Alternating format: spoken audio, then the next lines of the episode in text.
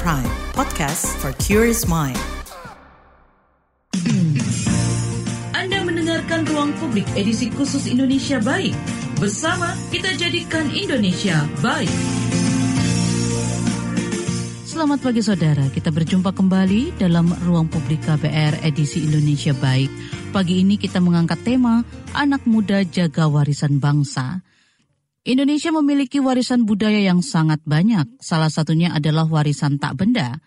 Berdasarkan data tahun 2021 dari Kementerian Pendidikan dan Kebudayaan Kemendikbud, warisan tak benda yang dimiliki Indonesia ada lebih dari 1.200-an. Warisan-warisan tersebut sudah ada yang terdaftar di UNESCO seperti pertunjukan wayang dan kain batik. Sudah menjadi kewajiban kita untuk menjaga dan melestarikan warisan budaya tersebut – Pagi ini di ruang publik KBR edisi Indonesia Baik, kita akan berbincang dengan dua komunitas anak muda. Ada Dwi Rahmanto, pengurus komunitas Wayang Merdeka, dan Widya Paramudita, perwakilan pemuda berkain dari Surabaya. Kita buka ruang publik KBR edisi Indonesia Baik pagi ini dengan mendengarkan penjelasan Dwi Rahmanto, pengurus komunitas Wayang Merdeka soal apa saja kegiatan yang mereka lakukan.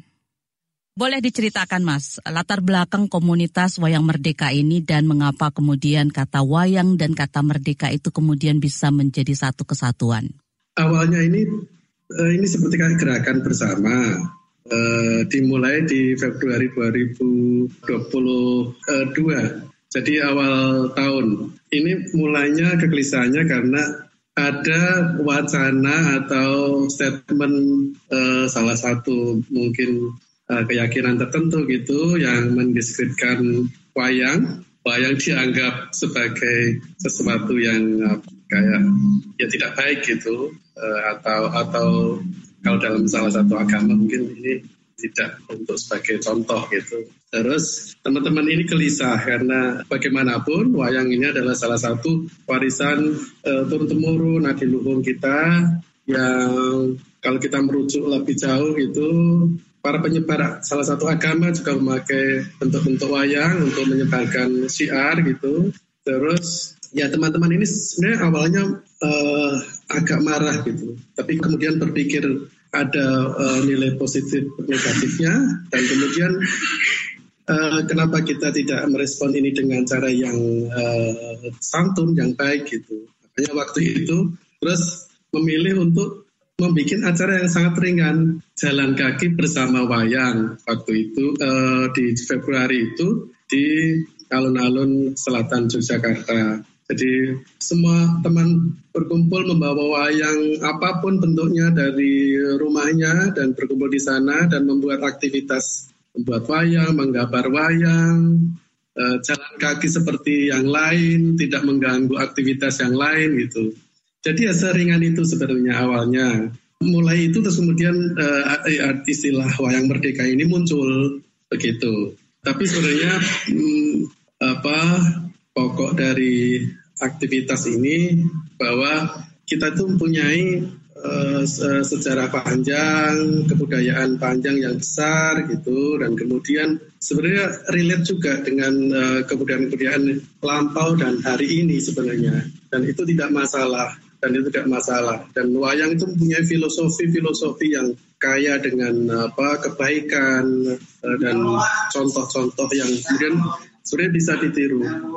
Akhirnya kan kita uh, akhirnya kita tahu bahwa mungkin orang-orang yang memberikan mendeskripsikan wayang ini mereka tidak uh, mengenal sejarah wayangnya, tidak mengenal sejarah di balik itu atau sejarah lampunya gitu. Makanya terus kemudian jadi kayak hitam putih gitu. Padahal kalau dilacak beneran, filosofinya sangat sangat besar gitu, sangat kaya, sangat baik gitu. Ya kita sharing lagi. Kalau populer sebenarnya wayang ini kalau UNESCO sudah menyebutkan ini adalah salah satu apa warisan budaya yang diakui gitu. Kenapa orang-orang apa beberapa orang-orang uh, di dalam negeri kita mendeskripsikan itu. Makanya teman-teman ini kemudian ini digaungkan lagi, di, uh, di apa, dikomunikasikan lagi, pengetahuannya dibuka lagi gitu. Tapi uh, teman-teman ini kenapa memakai wayang merdeka karena kita menganggap juga bahwa dalam sejarahnya juga wayang ini sebenarnya dekat dengan mungkin anak-anak dan sebagainya gitu. Karena kalau kita tahu ada wayang yang dibuat dengan daun uh, singkong, apa uh, ranting daun singkong, ada wayang soto, ada wayang ranting dan sebagainya gitu. Artinya sebenarnya wayang itu dekat dengan anak-anak. Kemudian ya apa, kenapa ini uh, dimunculkan? Maksudnya dimunculkan dalam dalam wayang merdeka ini. Maksudnya di wayang merdeka ini ada teman-teman uh, yang tetap menggunakan pakem-pakem atau wilayah-wilayah tradisional untuk untuk melakukan kerja-kerja atau uh, menciptakan wayang. Itu masih berlangsung.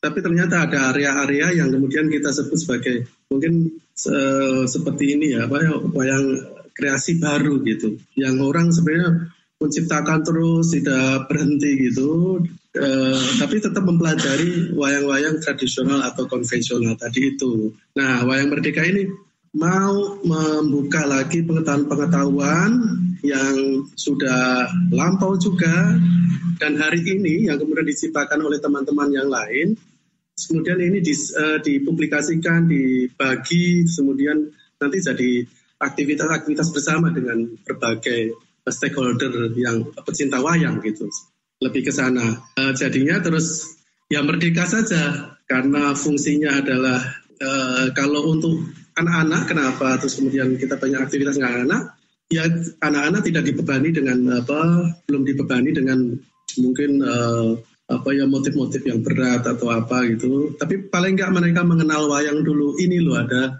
ada catatan atau pengetahuan yang sudah dilakukan oleh uh, apa pendahulu kita ada seni tinggi seperti ini dan punya filosofi yang baik gitu jadi ya akhirnya ya dibebaskan saja uh, dibebaskan itu artinya ya sebenarnya kita bisa menciptakan uh, wayang dalam versi-versi kita.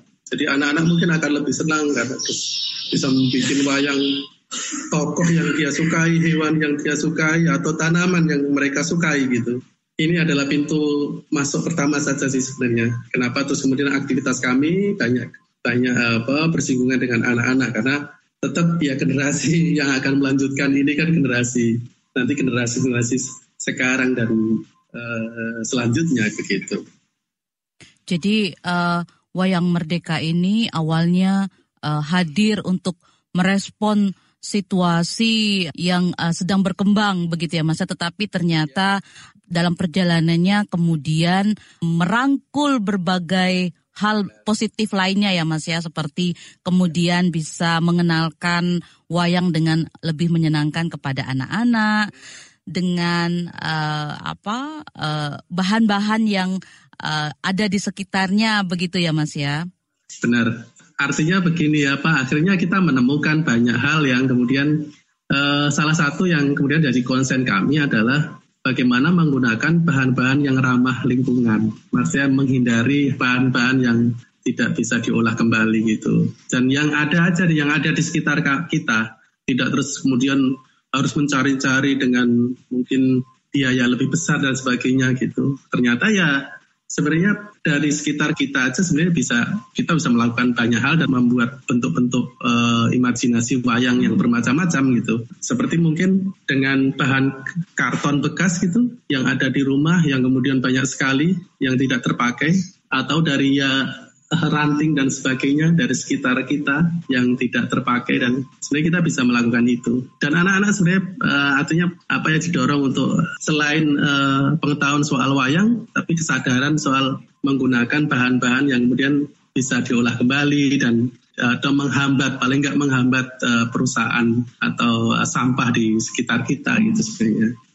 lebih keringan seperti itu. Jadi kita nggak hanya bicara soal nilai dan uh, apa namanya ya budaya yang uh, coba untuk dipertahankan untuk masa sekarang ya, tetapi juga kemudian merangkul juga isu yang saat ini uh, sedang menjadi concern banyak pihak yaitu uh, limbah begitu ya Mas ya?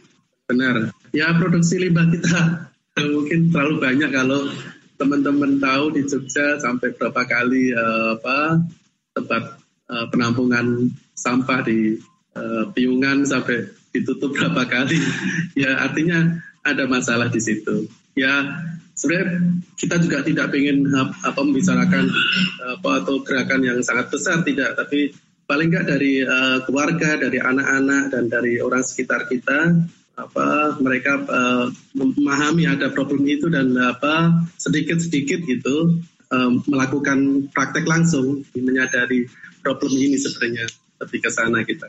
Respon yang uh, dilakukan oleh teman-teman komunitas wayang ini kan sebenarnya respon atas uh, kejadian yang bukan satu kali saja terjadi ya, tetapi kita tahu dalam beberapa tahun terakhir banyak budaya-budaya lokal yang kemudian mendapat penentangan begitu ya Mas ya. Ada uh, sikap sulit untuk menerima perbedaan begitu ya. Nah, seperti apa Anda melihat sebenarnya uh, budaya-budaya tradisional kita itu sebenarnya sampai saat ini sebenarnya masih relevan untuk uh, menjadi uh, katakanlah uh, contoh atau penyebar nilai yang sebenarnya bisa menjadi pemersatu uh, masyarakat kita yang berbeda-beda ini, Mas? Selain Indonesia-nya ini memang diciptakan dari dari perbedaan itu sebenarnya. Kalau kita lihat nilai-nilai yang ada di apa di uh, sejarah kita, sejarah tradisional itu sebenarnya nilai-nilainya adalah nilai-nilai untuk, untuk kemudian ini ber, bersatu, bernegara gitu, jadi satu gitu. Sebenarnya lebih uh, ke sana kan. Artinya sebenarnya saya pikir tidak ada apa penciptaan pengetahuan tertentu gitu di dalam apa di dalam seni kita itu atau seni tradisi atau apa, beberapa uh, apa kebudayaan lokal gitu tidak ada yang kemudian uh, dia ingin apa membuat kekacauan di dunia ini tidak ada pasti semua nilai yang uh, apa yang nenek moyang kita ciptakan itu selalu bahwa kita tuh harus bersatu, kita harus bersama, pasti seperti itu. Tidak ada yang kemudian menginginkan uh, sesuatu yang kacau atau atau rusak itu tidak ada sih sebenarnya. Mungkin karena ini ya sebenarnya uh, pengetahuannya aja yang kemudian tidak dibongkar lagi, diolah lagi, terus kemudian dibagikan lagi gitu. Ya, missnya mungkin di situ karena sebenarnya selalu yang dilihat kita kan barat barat terus gitu ya. Padahal ya kita punya sejarah panjang soal kebudayaan gitu. Kalau kita ngelihat bapaknya Borobudur aja gitu, penciptaan karya Borobudur gitu, itu udah berapa ratus tahun sebelum ada Eropa dan negara lain gitu sebenarnya. Dan banyak sekali yang umat-umat lain gitu yang uh, yang uh, di Tibet gitu yang saya tahu dari Mbak Aramayani salah satu uh, pengelola wayang merdeka juga mereka belajar di Borobudur gitu. Artinya sebenarnya kita punya sejarah panjang soal kebudayaan dan itu sudah terbukti bahwa kita di zaman itu sudah mempunyai jejaring sendiri. Kalau kita ngomongin silabus pendidikan itu sudah ada universitas lah sudah ada gitu dan tentunya apa naskah-naskah atau uh, apa pun catatan yang ada di tempat kita itu pasti selalu ingin uh, melakukan hal yang terbaik untuk wilayahnya gitu sebenarnya. Dan kemudian Wayang Merdeka ingin uh, mengingatkan kembali akan uh, hal-hal tersebut ya Mas ya?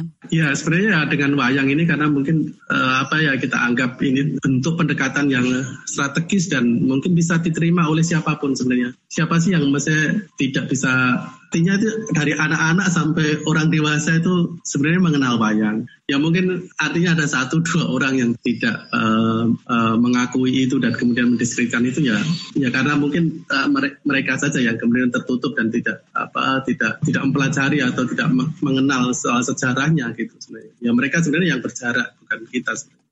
Jangan ke mana-mana, tetap di ruang publik KBR. Masih Anda dengarkan Ruang Publik KBR commercial break.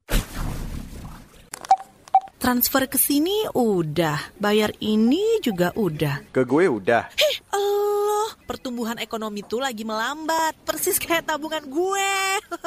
Betul banget, harus matang ngelola keuangan. Pengennya tuh investasi sesuatu gitu ya. Apa gitu yang cocok dan menguntungkan?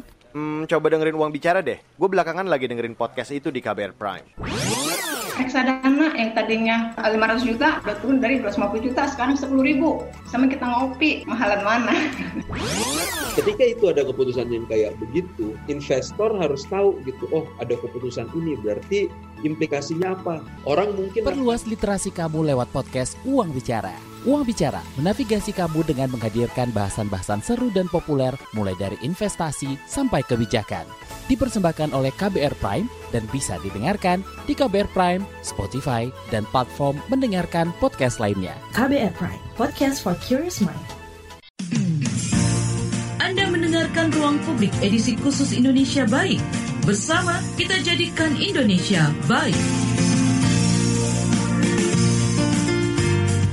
Anda masih mendengarkan Ruang Publik KBR edisi Indonesia Baik. Di segmen ini masih akan kita simak penjelasan Dwi Rahmanto, pengurus komunitas Wayang Merdeka, soal memperkenalkan wayang pada generasi muda. Kalau bicara soal uh, komunitas Wayang Merdeka ini, Mas, siapa saja sih yang ada di komunitas ini dan komunitas ini bentuknya seperti apa, Mas?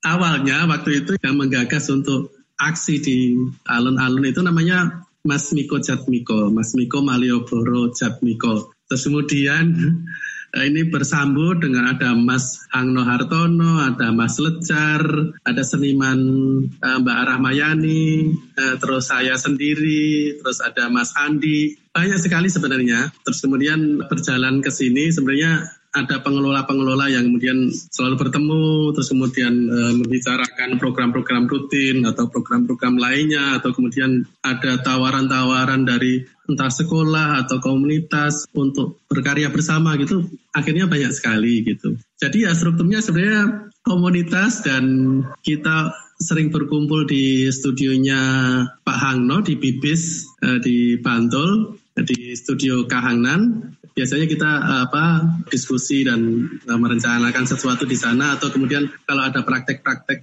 uh, bertemu anak-anak untuk workshop dengan skala yang besar kita di sana. Tapi secara program kita sebenarnya tiap bulan punya program rutin untuk workshop secara free sukarela gitu dan menggunakan ruang-ruang secara acak juga sebenarnya, tapi ya di jalan-jalan gitu, tidak selalu di ruang gitu. Jadi waktu itu kita pernah di Jalan Malioboro, di uh, Pasar Ngasem, di alun-alun dan sebagainya gitu. Ini memang upaya kami untuk apa ya bertemu langsung dengan apa audien atau orang-orang yang tertarik untuk terlibat di situ gitu dan menggunakan bahan-bahan di sekitar situ juga.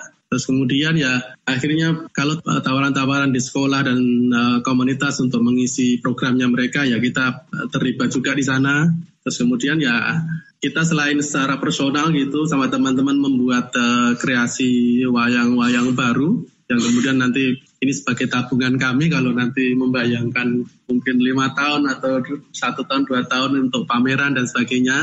Karena basic kami memang visual art dari teman-teman yang eh, berbasis seni rupa sebenarnya. Ya kita terlibat di beberapa acara ada pameran seni rupa terus ya ada ya workshop tadi ada presentasi begitu sih bu kalau anak-anak ikut workshop membuat wayang dari eh, bahan-bahan yang ada di sekitarnya, biasanya yang banyak atau yang menjadi favorit uh, anak-anak membuat wayang yang seperti apa, Mas?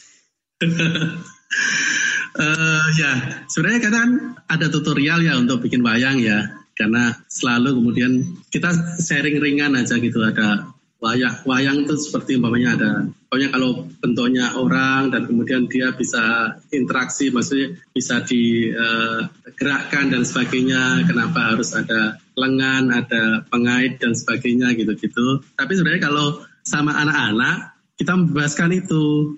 Jadi sebenarnya apa pun uh, yang mereka inginkan untuk uh, untuk dibuat sebagai wayang gitu entah pohon dan sebagainya sebenarnya ya bisa-bisa juga sebenarnya mereka terus kemudian pohonnya biar apa biar bergerak itu ditambahin ranting apa gitu-gitu. Ya mereka sebenarnya punya ide-ide yang kemudian di luar di luar apa ya ekspektasi kami sih sebenarnya. Rata-rata kalau yang terakhir ada tiga hari uh, workshop dengan uh, teman-teman uh, sekolah kinder station gitu ada 80 anak selama tiga hari dari 8 berbeda kelas gitu tidak bisa anu sebenarnya tidak bisa di apa general gitu terus kemudian apa gitu karena satu orang kemudian uh, pengen bikin uh, naga gitu rata-rata terus pada ikut bikin naga gitu. Tapi sebenarnya ada kita ngasih pilihan sih. Tapi kan pengajaran atau cara transfer kami memang bukan kemudian diarahkan untuk bikin sesuatu apa gitu. Bikin apa pun eh, menurut kami ya itu jadi ya karya mereka milik mereka gitu. Karena basicnya bukan seperti sekolah atau sanggar yang konvensional gitu sih sebenarnya. Kita lebih ayo berkarya bareng gitu sebenarnya lebih ke sana. Uh, Wayang Merdeka kan uh, juga uh, bergabung atau berkolaborasi dengan komunitas-komunitas lain begitu ya Mas Dwi ya. Nah, boleh diceritakan Mas dengan komunitas apa dan seperti apa bentuk kolaborasi yang dilakukan? Yang cukup menarik waktu itu kita pameran dengan House of Natural Fiber. Adalah teman-teman yang uh, dia uh, berkesenian tapi basicnya uh, apa ya? Uh, waktu kemarin ada isu-isu soal kemudian ada isu-isu soal uh, alien atau apa atau makhluk-makhluk di luar kita gitu sebenarnya. Terus uh, terus kemudian itu berjaring, berjejaring juga. Jadi programnya bersama mereka karena mereka punya agenda apa agenda kayak ulang tahun atau apa gitu tentang UFO gitu tentang UFO terus kemudian ingin uh, ingin teman-teman wayang merdeka membuat wayang alien dong gitu terus oke okay, gitu ya uh, terus ruangnya adalah di Indonesian Visual Art Archive. Itu adalah lembaga pengarsipan dan uh, seni rupa di Jogja yang mempunyai isu soal apa isu tentang lingkungan. Dan kemudian ternyata bersambung dengan uh, ruang IFA. Jadi ya programnya uh, berbarengan dengan program besarnya HWNF. Presentasinya di IFA dan apa material yang kita gunakan untuk membuat wayang merdeka adalah material dari plastik yang kemudian kita bentuknya seperti plastik bekas itu plastik-plastik dari kantong kantong-kantong yang kita beli dan kemudian itu dipres itu dengan dengan panas bisa dengan serika dan sebagainya kemudian kalau dipres dia bertumpuk-tumpuk jadi lebih tebal seperti kertas kaku gitu. Kemudian teman-teman membuat pola untuk membuat wayang merdeka dan apa wayang alien dan sebagainya gitu. Imajinasi mereka juga. Banyak seniman dari Malang, dari uh, Surabaya, dari Jogja sendiri dan dari beberapa teman dari Gunung Kidul dan sebagainya untuk terlibat membuat wayang. Tapi uh, kita juga waktu itu perannya kita membuat dua kali workshop di sekolah tumbuh dengan banyak anak gitu terus kemudian muncul beberapa muncul wayang alien gitu yang kita sangat senang sekali. Terus kemudian ada di Kali Code gitu dengan komunitas di pinggir kali di sana. Kita membuat oh, workshop juga dengan mereka dan kemudian karya-karya ini yang kemudian dipamerkan di ruang pamer di IVAA seperti itu. Terus responnya juga menarik karena beberapa apa, sekolah juga hadir untuk melihat karyanya, anak-anak juga melihat karyanya senang sekali. Karena waktu itu juga ada pentas juga oleh anak-anak pentasnya juga uh, membicarakan soal UFO sendiri alien tapi ya ada kaitannya dengan lingkungan gitu. Jadi kita sangat senang sekali uh, dengan Mas Wisanggeni waktu itu karena dia apa sama keluarganya membuat naskah soal penyelamatan bumi gitu karena isu soal sampah gitu aliannya uh, ternyata uh, mengambil orang-orang yang serakah yang uh, jahat di muka bumi terus kemudian dibawa ke ke luar angkasa tapi di luar angkasa sebenarnya tidak mereka tidak dimakan tidak dibunuh tapi diberi penyadaran bahwa ini loh bumimu ada masalah gini-gini terus kemudian mereka dikembalikan ke bumi untuk jadi entah itu nabi atau juru siar gitu-gitu. Nah, Mas Dwi, ini kan tadi disebutkan bahwa uh, Wayang Merdeka itu punya tutorial untuk membuat wayang gitu ya. Nah, apakah tutorial ini tersedia di uh, sosial medianya teman-teman atau uh, di mana bisa dilihat Mas? Oleh pendengar KBR yang mungkin ingin tahu atau pengen mencoba juga di tempat mereka masing-masing. Oke, okay. tapi ini anu ya, uh, sebenarnya untuk onset saja belum kami online kan. Dan memang kami belum jadi memang masih untuk praktek langsung dengan anak-anak. Tapi sebenarnya kita punya sekali dokumentasi terkait dengan kegiatan kami. Karena kami sadar bahwa ya dengan lewat pendokumentasian yang baik dan penyebaran informasi ada acara wayang merdeka ini akan nyampe di teman-teman yang lain gitu sih sebenarnya. Ya kita ada IG dengan Wayang Merdeka. Nanti sana ada ada link-link yang kemudian uh, bisa dirujuk atau dicari kembali gitu video-video kami atau ya foto-foto kegiatan kami. Kami inginnya memang pengetahuan yang kami miliki bisa lebih menyebar gitu sebenarnya. Kami ingatkan kembali saudara kalau ruang publik KBR edisi Indonesia Baik pagi ini adalah rekaman, jadi kami tidak bisa menerima pertanyaan ataupun komentar dari para pendengar. Siaran pagi ini bisa disimak di 100 radio jaringan KBR dari Aceh hingga Papua dan lewat streaming di kbr.id. Jangan ke mana-mana. Masih Anda dengarkan Ruang Publik KBR. Yuk follow social media KBR. Twitter at Berita KBR, Instagram at KBR.id, Youtube Berita KBR. Anda mendengarkan Ruang Publik edisi khusus Indonesia Baik. Bersama kita jadikan Indonesia baik.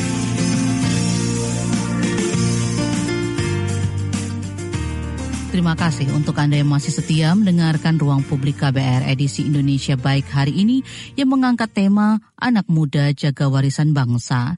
Berikutnya akan kita simak penjelasan Widya Paramudita, perwakilan dari Pemuda Berkain Surabaya. Komunitas Pemuda Berkain ini kan berbasis di Surabaya dan bisa dibilang komunitas baru ya, yang baru terbentuk sejak tahun 2021 begitu ya. Nah, boleh diceritakan Mbak Widya uh, latar belakang pemuda berkain ini uh, hadir di tengah masyarakat Surabaya khususnya. Oke, awalnya itu komunitas ini diinisiasi oleh Gerak Samudra. Jadi Gerak Samudra itu selaku founder dari Pemuda Berkain Surabaya. Uh, karena ketertarikannya dia sama hal yang berbau etnik. Jadi pertama kali dia itu pakai kain di acaranya uh, United Nation di Malaysia. Nah, itu tahun 2018. Uh, awalnya dia juga masih ragu karena di Indonesia belum banyak orang uh, yang pakai kain dipadu-padankan dengan pakaian modern. Terus tahun 2021 itu dia memberanikan diri uh, untuk pakai dan ngajak teman-temannya dia pakai kain sambil nongkrong gitu awalnya. Terus uh, dia bikin akun Instagram pemuda berkain. Ini organik sih, jadi banyak yang tahu, terus follow. Akhirnya kita bikin grup, grup WA gitu. Jadi nongkrong bareng sambil pakai kain, terus kuliner bareng kayak gitu.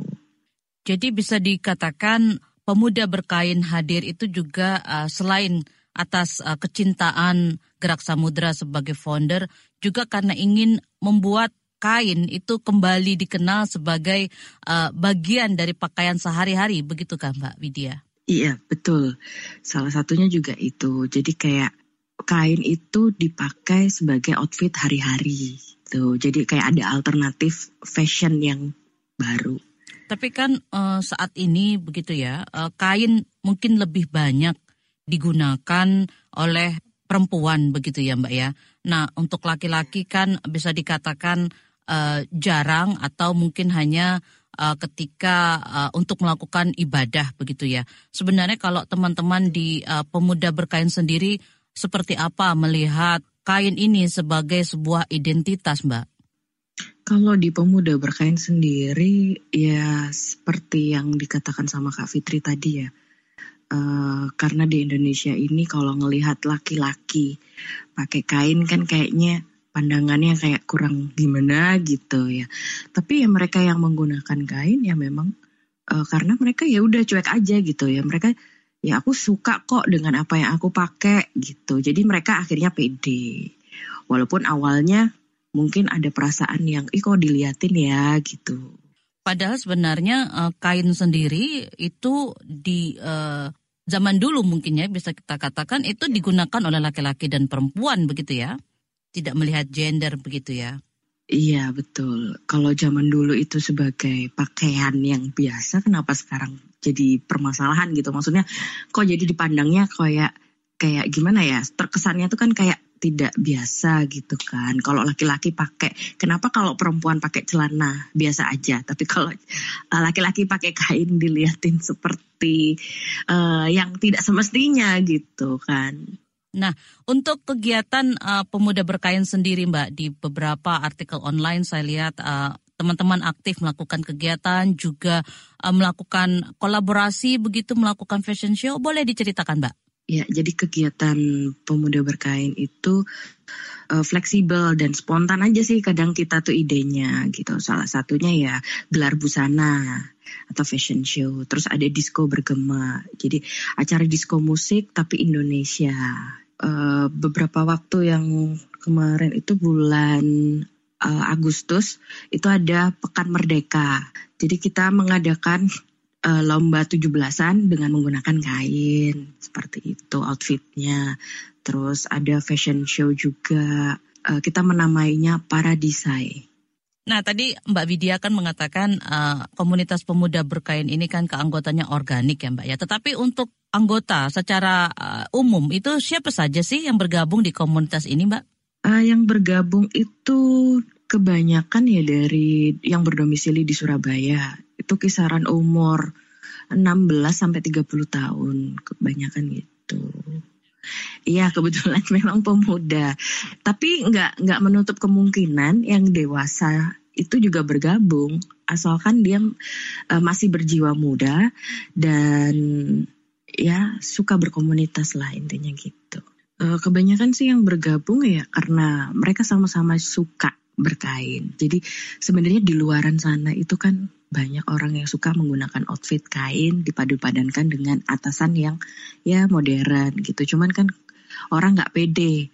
Kadang kita jalan sendirian pakai kain diliatin orang, tapi dengan adanya komunitas ini kita bisa jauh lebih percaya diri gitu loh. Bahwa di luaran sana juga banyak kok orang yang suka dengan apa yang kita pakai gitu. Jadi nggak kita doang. Jadi kita tuh nggak kelihatan aneh kok sebenarnya dengan menggunakan ini. Tapi sebenarnya kalau uh, untuk busana tradisional Jawa sendiri, untuk yang laki-laki kan sebenarnya juga menggunakan kain ya Mbak ya dengan beskap begitu ya? Iya, uh, biasanya mungkin kalau kayak base cups dan berkain itu kan dipakai kalau lagi ada acara pernikahan, acara-acara resmi. Cuman kan kalau kayak kita pergi ke mall, kita ke kampus, kita jalan-jalan atau kita nongkrong, itu kan masih terlihat apa ya? Terlihat uh, terkesannya tuh kayak yang kok kayaknya too much gitu loh. Orang pasti berpandangan seperti itu. Ngapain sih kok pakai kayak gitu gitu? Emang nggak ribet ya? Kebanyakan kan gitu. Padahal berkain itu kan nggak ribet. Gitu. Dalam uh, berkomunitas, Mbak, uh, pemuda berkain selama satu tahun lebih ini ya, bisa dikatakan. Apakah ada uh, semacam uh, tantangan atau uh, penolakan dari uh, komunitas lain, masyarakat secara umum terhadap uh, apa yang ingin uh, dilakukan, pesan yang ingin disampaikan oleh pemuda berkain, Mbak?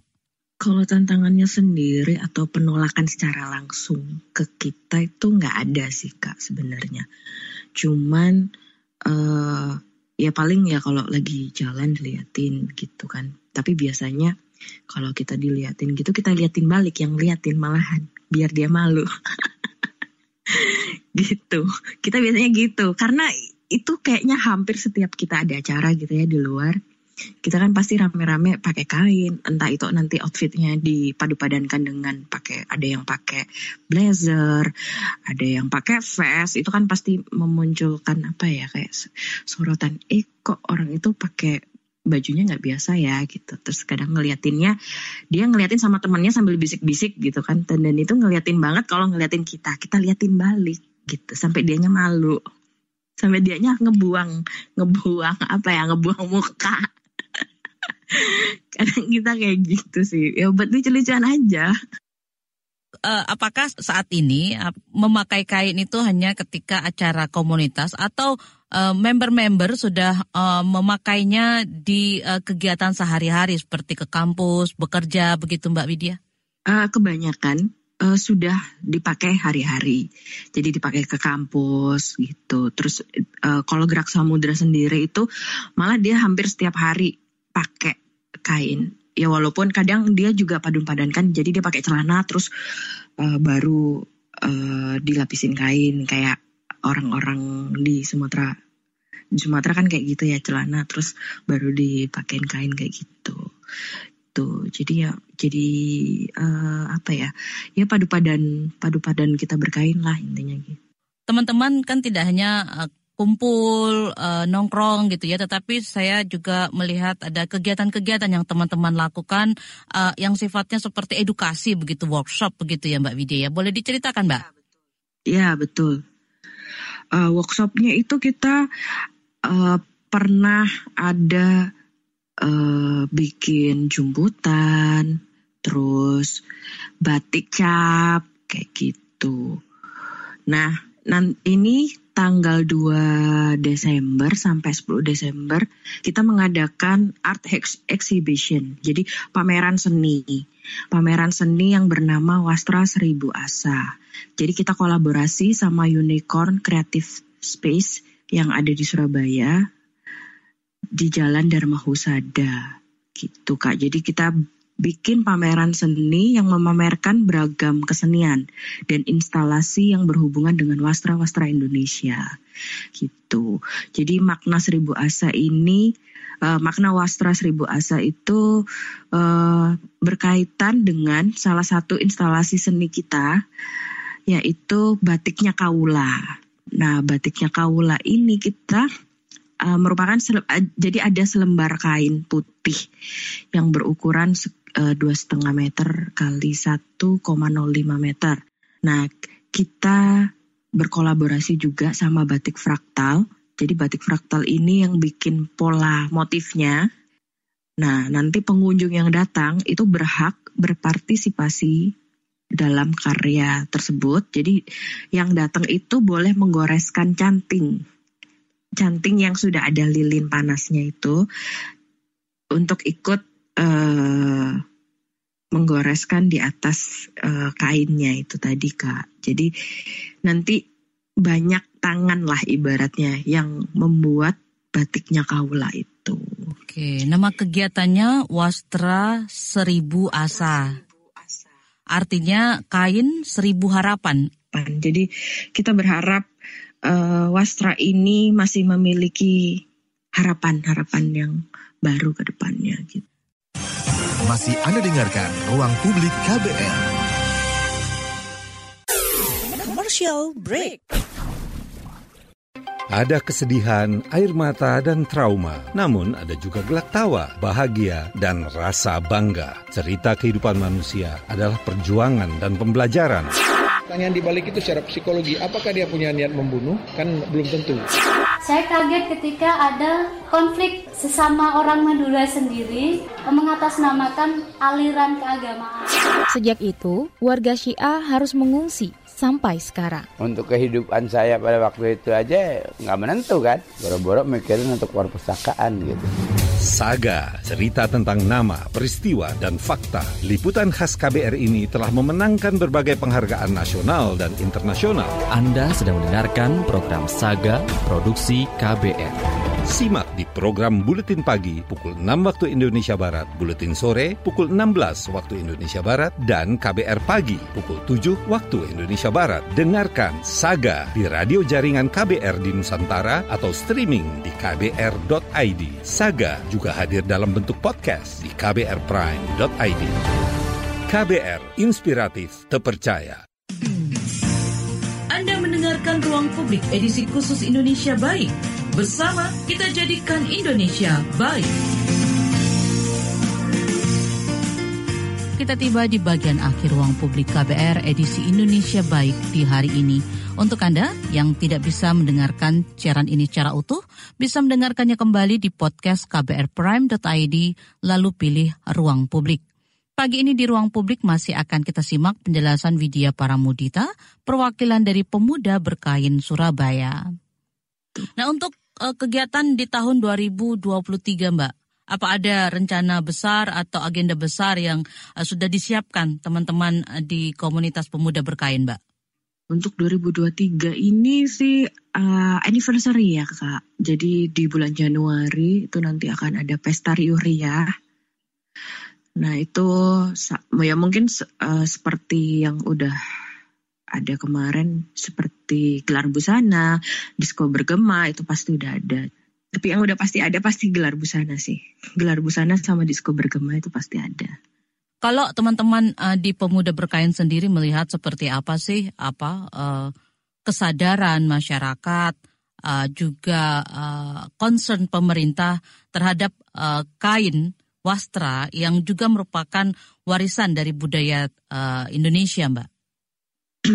Kalau pandangan kita, pandangan saya pribadi ya, kesadaran masyarakat sih atas kecintaan apa ya warisan Nusantara itu tuh sebenarnya sebenarnya di luaran sana tuh udah udah banyak kok yang maksudnya gimana ya yang sadar akan warisan Nusantara gitu. Karena kalau saya ngelihat kayak ada batik fair dan yang lain-lain gitu tuh termasuknya juga rame. Orang tuh suka beli batik. Cuman kan memang mereka masih apa ya beli batik yang untuk dijahit. Jadi batiknya itu dibuat baju gitu nggak pure kayak sebenarnya kain bat, kain batik atau kain apa pun lah tenun songket dan yang lain-lain itu walaupun kita nggak potong-potong kita pola terus kita jahit itu bisa jadi outfit kok. Jadi bisa jadi atasan bisa jadi outer. Itu sebenarnya bisa dengan dengan diikat atau ditambahkan kayak uh, selendang kayak gitu tuh sebenarnya bisa. Terus juga pernikahan-pernikahan yang masih menggunakan adat masing-masing daerah itu juga lumayan sih. Udah maksudnya juga banyak. Jadi juga dikenalkan sebenarnya teknik untuk uh, menggunakan kain yang tanpa harus dipotong dan dijahit, tapi bisa digunakan untuk uh, menjadi beragam, bisa jadi atasan, bawahan, begitu ya Mbak Widya ya? Iya betul betul. Uh, di nah di uh, gelar busana kita itu kita menggunakan teknik itu untuk model-modelnya. Jadi tidak ada kain yang kita potong sama sekali. Jadi di, ada yang di ya di double-double gitulah biasanya tuh gitu. Tadi pertanyaan saya yang belum terjawab itu kalau Mbak Widya sendiri atau teman-teman di uh, pemuda berkain sendiri melihat concern pemerintah, pemerintah daerah, pemerintah pusat terhadap uh, concern mereka dalam menjaga wastra atau uh, apa ya uh, kebudayaan tradisional yang berkaitan dengan kain ini, Mbak? Kalau pemerintah sendiri yang saya lihat ya, uh, ya memang mereka kayaknya masih kurang belum belum apa ya kayak belum memfasilitasi uh, memfasilitasi apa ya kayak berkolaborasi lah paling enggak ya sama komunitas-komunitas yang concern akan uh, warisan Nusantara gitu. Mungkin ke depannya harapannya ya kita bisa jalan bareng lah ibaratnya sama pemerintah buat berkampanye uh, bahwa ya ini yang harus kita jaga. Mungkin dengan dengan apa ya dengan membuat uh, mungkin ada satu hari atau dua hari uh, berkain itu dijadikan seragam gitu. Harapannya sih gitu. Itu pandangan saya pribadi sih sebenarnya. Tapi sejauh ini uh, teman-teman di komunitas sudah ada upaya atau keinginan untuk uh, berkolaborasi dengan uh, Pemda begitu Mbak untuk membuat kegiatan atau ada rencana di masa depan untuk itu? Kita sendiri sih harapannya sih begitu ya Kak. Cuman ya untuk uh, mengajak Pemda berkolaborasi itu agak gimana ya. Kita kemarin udah coba udah coba beberapa kali tapi ya mungkin karena Pemdanya juga lagi banyak yang diurusin dan masih repot Jadinya ya kita agak di gimana ya? Ya nanti dulu lah, oke gitu. Jadi kayak dijanjiin aja gitu, tapi belum ada yang pasti gitu kak. Nah untuk uh, pendengar KBR yang mungkin pengen me lebih mengetahui soal komunitas pemuda berkain, boleh disampaikan mungkin Mbak akun uh, media sosial atau mungkin website atau di mana informasi tentang teman-teman bisa ditemukan? Uh, bisa follow Instagram Pemuda Berkain Surabaya. Jadi pemuda berkain sub gitu.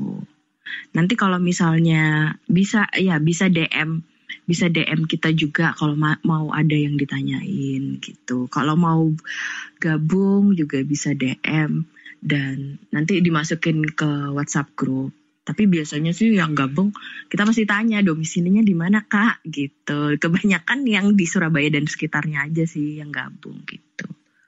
Tapi nggak menutup kemungkinan kan untuk teman-teman atau uh, pemuda dari uh, luar Surabaya dan sekitarnya untuk bergabung? Oh enggak, enggak, enggak, enggak, enggak, enggak mau menutup kemungkinan sama sekali. Karena kebetulan juga ada member kita yang dulunya juga dia dia sempat ada di Surabaya tapi sebenarnya dia tinggal di Pekalongan gitu.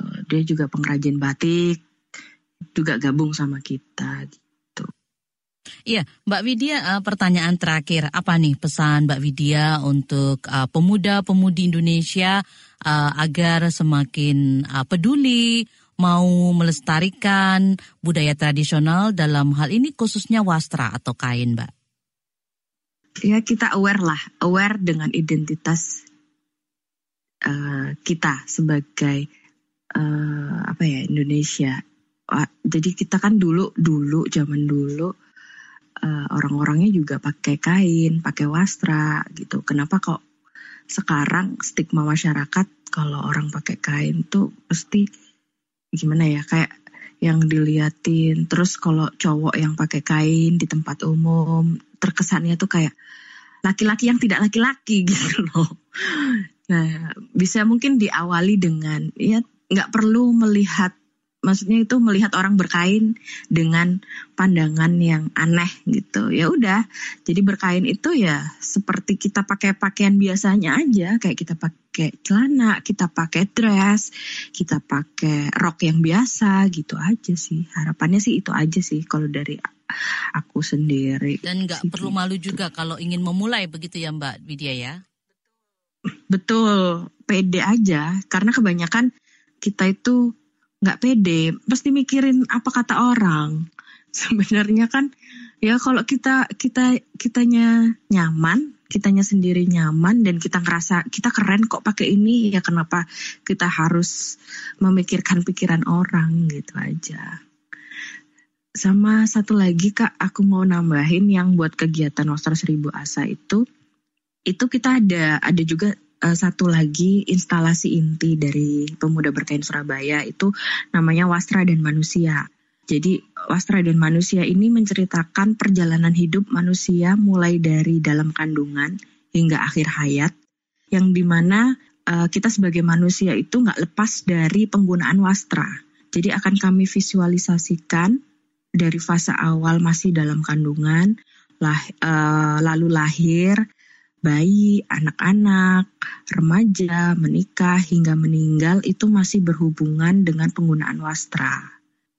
Ya, lalu kita juga uh, masih banyak karya dari seniman-seniman luar yang ada di Surabaya yang ikut kolaborasi juga. Jadi kita open submission. Gitu. Jadi uh, wastra atau kain sebenarnya itu tidak bisa kita lepaskan dari kehidupan kita bahkan sebelum kita lahir sampai kita meninggal begitu ya Mbak ya. Maka kenapa nggak kemudian itu kita gunakan juga di kehidupan kita sehari-hari? Sehari-hari, betul, betul. Kita berkampanye sesi itu karena uh, supaya kain itu sendiri nggak punah ya. Maksudnya uh, nanti semakin modern, semakin modern orang melupakan. Akhirnya pengrajin-pengrajin itu nggak nggak maksudnya gimana ya nggak bisa bertahan dan terus berproduksi kalau nggak ada yang beli kan gitu kalau orang nggak beli kan berarti orang nggak pakai kalau orang pakai otomatis ya orang akan akan terus terus beli uh, wastra itu sih. Gitu. Nggak nggak batik doang, uh, ya tenun, songket kan kayak gitu. Padahal uh, kalau ngomongin brand-brand luar juga mahal-mahal. Tapi mereka bisa beli. Kenapa kita nggak bisa uh, memajukan atau melestarikan apa yang memang asli dari kita yang punya gitu loh. Ini identitas kita gitu loh sebagai Indonesia atau Nusantara ya. Gitu. Demikian ruang publik KBR edisi Indonesia Baik pagi ini yang mengangkat tema anak muda jaga warisan bangsa. Terima kasih untuk kebersamaan Anda di pagi ini. Saya Fitri Anggreni undur diri. Salam. Baru saja Anda dengarkan Ruang Publik KBR. KBR Prime, cara asik mendengar berita. KBR Prime, podcast for curious mind.